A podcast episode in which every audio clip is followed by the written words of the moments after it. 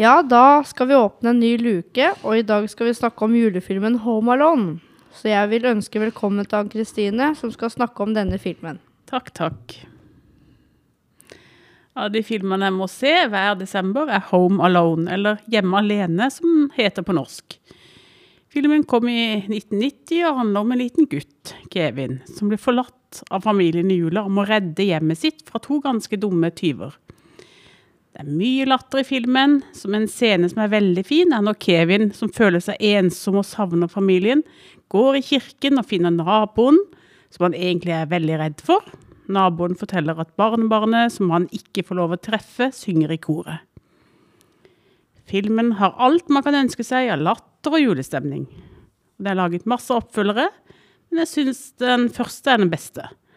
Oppfølgeren Home Alone 2 er også det bra, og Macaulay Culkin er tilbake i rollen som Kevin, som denne gangen blir forlatt i New York, og de samme morsomme tyvene er også tilbake.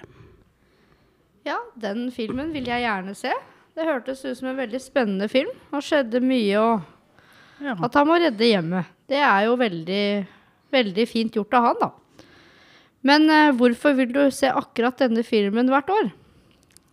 Ja, den er morsom og litt sånn den eh, forbinder jeg med ja, hu, litt humor og ja, ser for meg noen i familien som det kunne, kunne skjedd med. Ja.